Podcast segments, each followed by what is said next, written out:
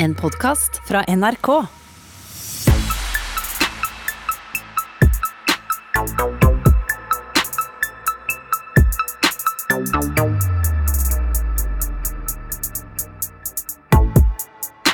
Velkommen til Røverradioen. Jeg heter Tina, og med meg har jeg Cammy. Hei, hei. Og vi har dessuten fått en nyttårspresang, nemlig en ny røver. Velkommen til deg, Maiken. Takk skal du ha. Dette her er gøy. Nytt år og nye muligheter. Ja, det er jo naturlig nå sånn på starten av året å løfte blikket framover. Ja, ikke minst oppover, da. Det er bra. Så lenge det ikke er nedover, Cammy, så går det bra. Ja, ja, ja. Men det kan jo være vanskelig å spå om framtida, da. Ja, fremtida den er eh, vrien. Derfor skal vi snakke med en dame som har eh, klart å løfte blikket fremover. Og hun har jo tidligere hatt en eh, utfordrende hverdag. Ja, Hvem er det jeg snakker om da? Jo, da snakker du om Ingeborg Senneset, som er um, både forfatter, eh, journalist og blogger. Ja, Og utdanna sykepleier. Ja. det er hun nå. Mm. Mye erfaring på korte år, kan man si. Og hun har jo hatt, som du sa, store utfordringer. Hun har bl.a. vært innlagt på psykiatrisk i flere år. Vi skyter i gang, vi. Ja, vi gjør det. Da går vi til G26. Som er hva da? Jo, det var artig at du spurte, for det er nemlig Grefsenveien 26, som er et sted hvor mange nylig løslatte drar. For der fins bl.a. Røverradioen, men også Nav og Røde Kors, andre institusjoner egnet til å hjelpe oss videre. Og der er røver Simen, som slapp ut fra fengsel for noen år siden for å ta en prat med Ingeborg Senneset om hvordan man bygger en framtid til tross for eller gjennom de vanskelighetene man kanskje står i for øyeblikket. Innsatte i norske fengsler lager radio. Du hører Røverradioen i NRK P2. Hei, du som hører på merker kanskje at lyden er litt annerledes enn den pleier å være. Det er fordi vårt studio på utsiden er så lite, og vi prøver å holde to meter her. Så da har vi funnet oss et større rom. Når man havner i fengsel, stopper livet litt opp. Mens alle du kjenner på utsiden, fortsetter med livene sine. Men det er ikke bare i fengsel det er sånn. Mange andre som er i en vanskelig periode i livet, havner på en eller annen form for institusjon. En av de som har opplevd det, er på besøk hos oss her i dag. Og hei og velkommen tilbake til Røverradioen, Ingeborg Senneset, journalist og forfatter. Denne uka her er det faktisk fem år siden jeg slapp ut av fengsel. Oi, Du grattis. har, takk, takk, takk, takk. Eh, Du har også vært i en institusjon. Mm. Når var det, og hvor lenge var du der? Um, jeg ble utskrevet for siste gang i 2012, så nå begynner det jo faktisk å bli noen år siden. Men det føles veldig, det føles veldig nettopp. Du? Det har gått så fort siden da. Men eh, da var jeg på mitt tredje sykehus, for jeg var innlagt på psykiatrisk. Eh, og jeg hadde da til sammen vært inneliggende pasient i tre år. Eh, fordelt over flere år, da. For det var jo litt sånn inn og ut og permisjoner her og utskrivelser der og nye institusjoner og sånn. Men den siste plassen var jo sånn eh, Det var Dørene stengtes klokka 11, og mellom 11 på kvelden og 7 om morgenen så hadde du ikke Du kunne ikke gå ut eh, som du ville. Um, jeg var jo da i tre år uten lås på min egen dør. Eh, så det blir jo Jeg vet ikke om det er gjenkjennbart, det å ikke egentlig ha noe ordentlig privatliv, men òg det at du ikke styrer dagen din. Altså sånn, det å forholde seg til at det er middag klokka halv tre hver dag. Eh, grunnen til at jeg var innlagt, var jo veldig alvorlig anoreksi, eh, som jeg fortsatt baler med, men nå med ganske mange flere verktøy, da, sånn at jeg klarer meg fint i arbeidslivet, eh, sjøl om jeg fortsatt eh, ikke kan skryte på meg og helt frisk, liksom. Men hvem er nå det, liksom? Du, hvor gammel var du når du Du skal kanskje ikke spørre en kvinne om alderen hennes, men hvor gammel var du når du var innlagt? Eh, jeg syns ikke det er noe stress å bli spurt om alder i det hele tatt, verken hvor gammel jeg er eller hva. Eh, for jeg trodde, jo, jeg trodde jo veldig lenge at jeg aldri kom til å bli 30, og det var ingen andre som trodde det heller. Så jeg syns jo det er helt konge hver gang jeg blir litt eldre og bare sånn her hey, in your face, alle som trodde jeg kom til å dø. Um, men jeg ble jo først syk da jeg var sånn 6-7-8 år, så jeg var veldig liten. Um, men ikke så uvanlig liten som jeg trodde sjøl. Jeg trodde jeg var den eneste i verden som ikke eh, fiksa verden på samme måte som andre. Eh, og jeg ble ikke innlagt eller inn i psykiatrien før jeg var i hvert fall 17-18. Eh, så det tok mange år altså, før jeg gjorde det. Og i mellomtida så rakk jeg jo å bli mye sjukere. Eh, men du sa du var 17-18 år gammel da du havna inne på Ja, jeg behandling? jeg, var, nei, jeg tror jeg var over 20 da jeg var innlagt. Men Ja. 17-18 da jeg liksom fikk kontakt med en sånn poliklinisk psykolog. da. Ja.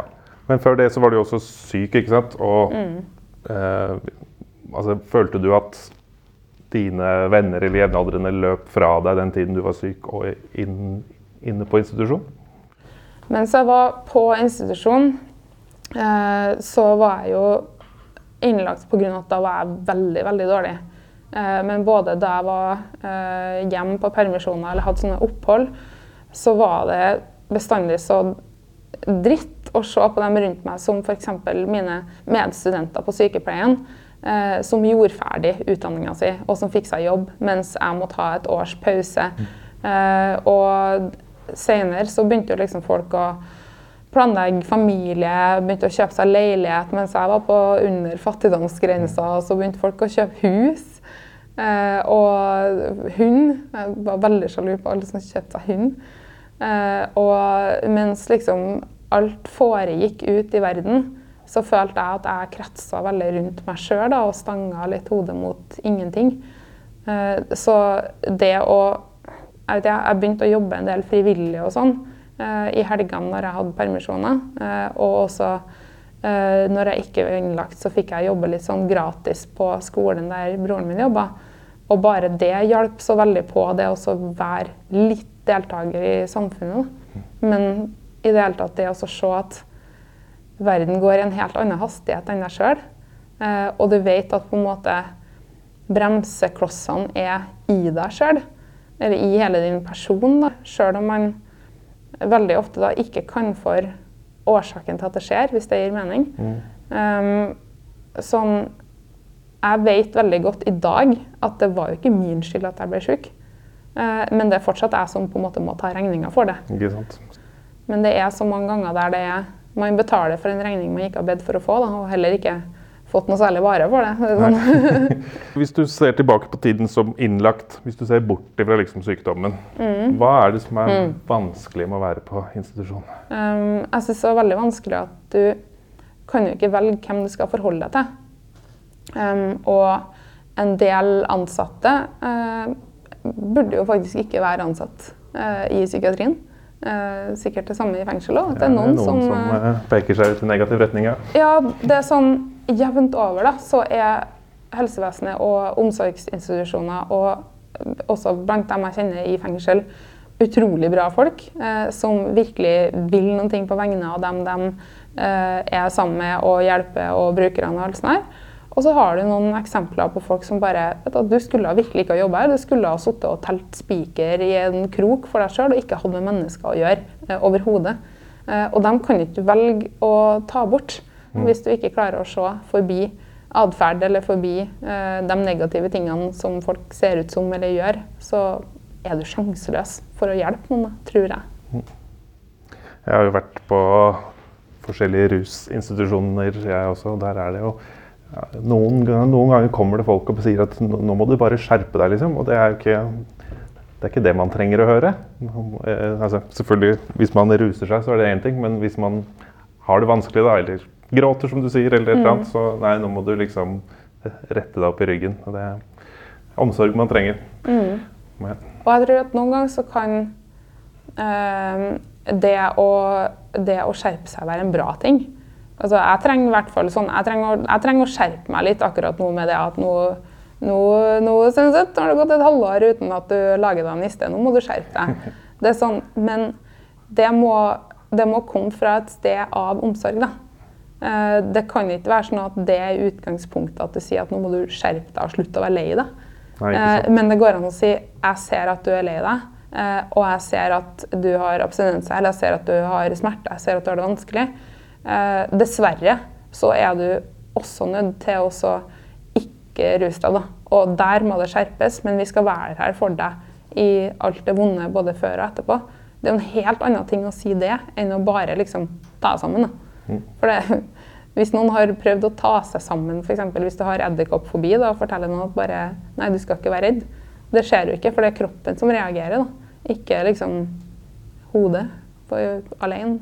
Når man eh, sitter i fengsel, da, så tenker man jo veldig på den dagen man skal ut, og hva man skal, hva man skal gjøre når man kommer ut. da. Ja, hva tenkte du at du skulle gjøre? Uh, nei, det første halvåret jeg satt, så skulle jeg jo bare ut og bruke de nye kontaktene mine og hevne meg på han jævelen. Og, Og de sånn. nye kontaktene du hadde fått i fengsel? Ja, ja. ja, ja. Eh, Men uh, så tok det Jeg tok til fornuft etter hvert. Jeg har vært rusfri lenge, og så fikk jeg litt uh, oppbacking i Røverradioen. Og så begynte man å vende blikket ut, da. Så prøvde man å gjøre noe konstruktivt isteden. Men hvordan klarte du å vende blikket ut? For det er sånn som jeg ofte syns er vanskelig også i dag, da, men som jeg vet var veldig viktig for meg mens jeg var innlagt. Det å klare å fokusere på noe utafor meg sjøl. Hvordan klarte du det? Nei, altså det er På avdelinga i fengsel da, så er man alle er rus- og kriminalitetsnerder. ikke sant? Så man snakker ikke om eh, andre ting enn rus og kriminalitet og, og hva man har eh, gjort før, og hvordan man skal gjøre det et smart brekk i fremtiden. Og så etter hvert da, så har, jeg, har man besøk av noen eh, familie og Jeg begynner å snakke om andre ting, da, og så ser man ser man kanskje at OK, kanskje jeg kan gjøre noe annet, da. Eh, jeg har kanskje noen evner som kan brukes til, eh, til noe annet enn eh, å gjøre brekk og stelle sykler, som jeg innimellom savner. Men det er lov til å savne ting òg, da. Tenker jeg. Det må være lov til å på en måte si det at vet du hva, det var, det var jo et par sider ved det å være kriminell som var helt konge. For at hvis ikke så hadde man jo ikke blitt det. Nei. Men sånn Jeg hadde Jeg merka veldig at det var ikke så bra å være på institusjoner der vi var helt like. Hvis alle var spiseforstyrra, så ble det jo det man prata om. Eh, og i tillegg så hadde det mye å si å ha eh, venner og familie utafor, ja, som på en måte var opptatt av flere ting enn sykdom, og som kanskje også minner deg litt om at det er ikke normalt å sitte og prate om verken brekk eller brekninger hele dagen. Det er, sånn, det er ikke det folk prater om. Det er sånn, ok, Nå prater alle om korona, men det er jo stort sett liksom været og jobb og sånt folk prater om. Men det gjorde jo også at jeg var så nervøs for permisjoner, f.eks. For eksempel. Fordi at hvis jeg traff noen, og de spurte ja, hva gjør du? Eh, hva skulle jeg si, liksom? Skulle jeg si jeg er mellom jobber, eller skulle jeg bare være ærlig og si at ja, nei, jeg er fortsatt innlagt der? For det var jo, jeg blogga jo om det, så det var jo veldig offentlig at jeg var syk. Men jeg følte veldig sjøl at folk må jo begynne å gå lei av at jeg bestandig er innlagt. Så jeg hadde så lyst til å liksom kunne ha noe nytt å si. da.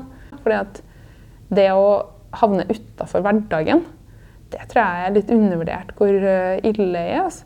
Bare det å, det å ikke ha de der helt vanlige knaggene som alle liksom prater om. Men eh, da du var innlagt, så var det du skulle ut en dag. Hvordan tenkte du om framtiden? Um, jeg hadde da begynt å bli ganske gira faktisk på å komme meg ut.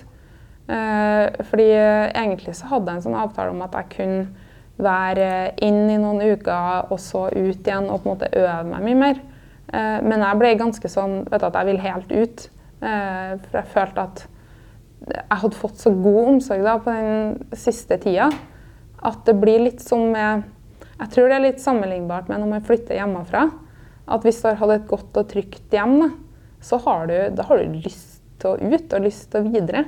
Eh, og du føler deg trygg på at du, at du kan det. At du har liksom fått litt sånn eh, sterke vinger på egen hånd. Eh, mens de som har megautrygge hjem, eh, enten rømmer fra det hjemmet eller driver og finner nye utrygge hjem. Og sånn tror jeg det også er med institusjoner. Da, at man er litt sånn overbekymra for å gi omsorg, for man tror at da vil folk bare bli værende. Eh, ingen som har lyst til å bli værende på en institusjon bare fordi de har det bra der. Det er tvert imot sånn at da blir du tryggere i deg sjøl og kommer videre. Men jeg hadde jo i utgangspunktet tenkt at jeg kanskje skulle tilbake og jobbe som sykepleier, fordi at det var det jeg hadde utdannet meg som. Men drømmen min før jeg ble sykepleier, var jo å bli journalist. Eh, og jeg hadde jo tenkt så mange ganger på at jeg skulle eh, ta den utdanninga, men jeg tør, tørra ikke. å flytte til Oslo. Uh, ville bare bli i Trondheim og, uh, og tok ikke helt sjansen på det. Um, men gjennom den der nevnte bloggen da, uh, så fikk jeg så mye kontakter i offentligheten rundt omkring.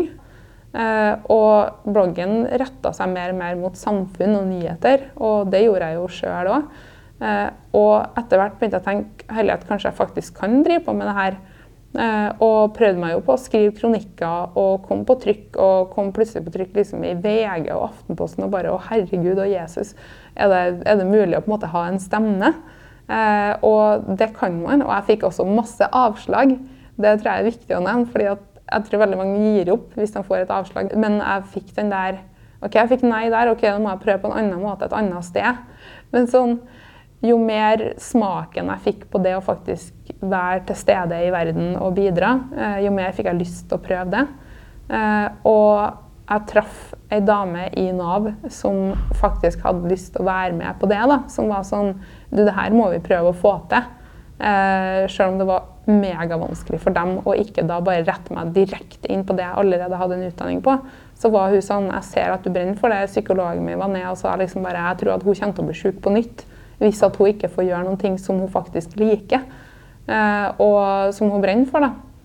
Eh, og de ble med på det. Og egentlig skulle jeg da få lov til å ta journalistutdanning, eh, men jeg kom ikke inn.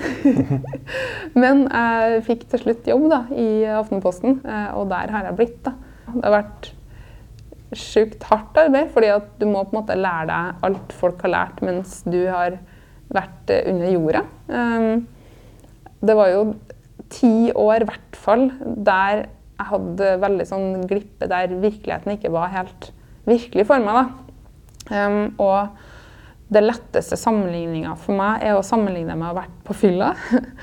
Fordi at hvis du har vært skikkelig døddrukken i helg, så har du likevel en sånn viss formening om hvor hen du var. Uh, og en viss formening om hvem som var der, og hva du gjorde. Men detaljene er bare grøt, og det er ikke sånn først og sist. og vet ikke helt hva som var når og da. Og alt sånt her. Og skjemmes utrolig over nesten alt jeg gjorde. Og litt sånn har jeg det med ti år. da, At det er sånn, informasjonen er litt sånn grøtete, litt sånn sausete. Har det sånn cirka på stell, hadde noen litt bra øyeblikk og sånn. Eh, men er utrolig flau over veldig mye. Eh, og så stort sett ganske rar ut. Eh, men har prøvd liksom å fylle inn de hullene i etterkant. da. Så da blir det mange sene kvelder der du på en måte må jobbe inn det som resten av verden allerede har gjort. Da. Um, og da har det vært utrolig viktig for meg um, å klare å ikke bli for bitter, nesten. Hate ditt og hate datt. Um, det har jeg valgt at å legge i en sånn boks med kan være forbanna ett minutt en gang i året, men hvis jeg skal bruke masse tid og energi på det, så kommer ikke jeg sjøl noe videre. Og da blir det jo nye tiår da, med bare grøt og hat og dumt. Så det har vært superviktig, egentlig. Å legge bort det å være bitter eller forbanna. Mm. Eh, og heller bruke den energien på å gjøre det bedre sjøl, da. For min del, da, som er gammel sprøytenarkoman, så er det fryktelig mye sprøyter på TV om dagen. Du ser så lite gammel sprøytenarkoman ut. Eh, på TV om dagen da, så er det stadig vekk bilder av uh, sprøyter, selvfølgelig i forbindelse med, med vaksinen. Men mm. uh, for meg så napper det litt i åra. Har du noen sånne triggere, og hvordan lever man med det? Um, jeg har veldig mange. Um, hver morgen når jeg våkner, så våkner jeg på en måte i den ferdiginnstillinga, uh, som da er anorektisk. så jeg starter liksom dagen med at det bare ligger en sånn klar plan med, eh, med, med, hvordan dagen skal være. Eh, og det er jo alt den ikke kan være. Så jeg må liksom snu om det veldig tidlig. Eh, jeg prøver Det, det er egentlig en sånn mindfulness-teknikk. Men jeg syns mindfulness er så harry ord. Ja. Ikke for å fornærme noen, altså, men jeg, Helt enig. jeg har veldig trøbbel med alt som går under lilla gevanta-skalaen. Men det er en del ting som fungerer ganske godt. Og den ene teknikken er å se på sånne impulser eh, og tanker da, eh, litt som et tog. og at du sjøl står på perrongen. og hvis det kommer et tog med jævlig dårlige impulser, f.eks. sprøyter, så er det veldig dumt å prøve å stoppe det toget ved å gå ut i veien for det. Eh, for da blir du meia ned av det toget. Eh, det er også veldig dumt å hoppe på eh, og faktisk gjør de tingene. Eh, for da, da er man ute og kjører, da. Det eneste fornuftige når det toget kommer, er å stå og se på det og la det gå forbi. Vente på neste. Ja, Og bare liksom la den tanken her OK, den tanken her har jeg. Den tanken her er til stede. Den kommer til å gå over.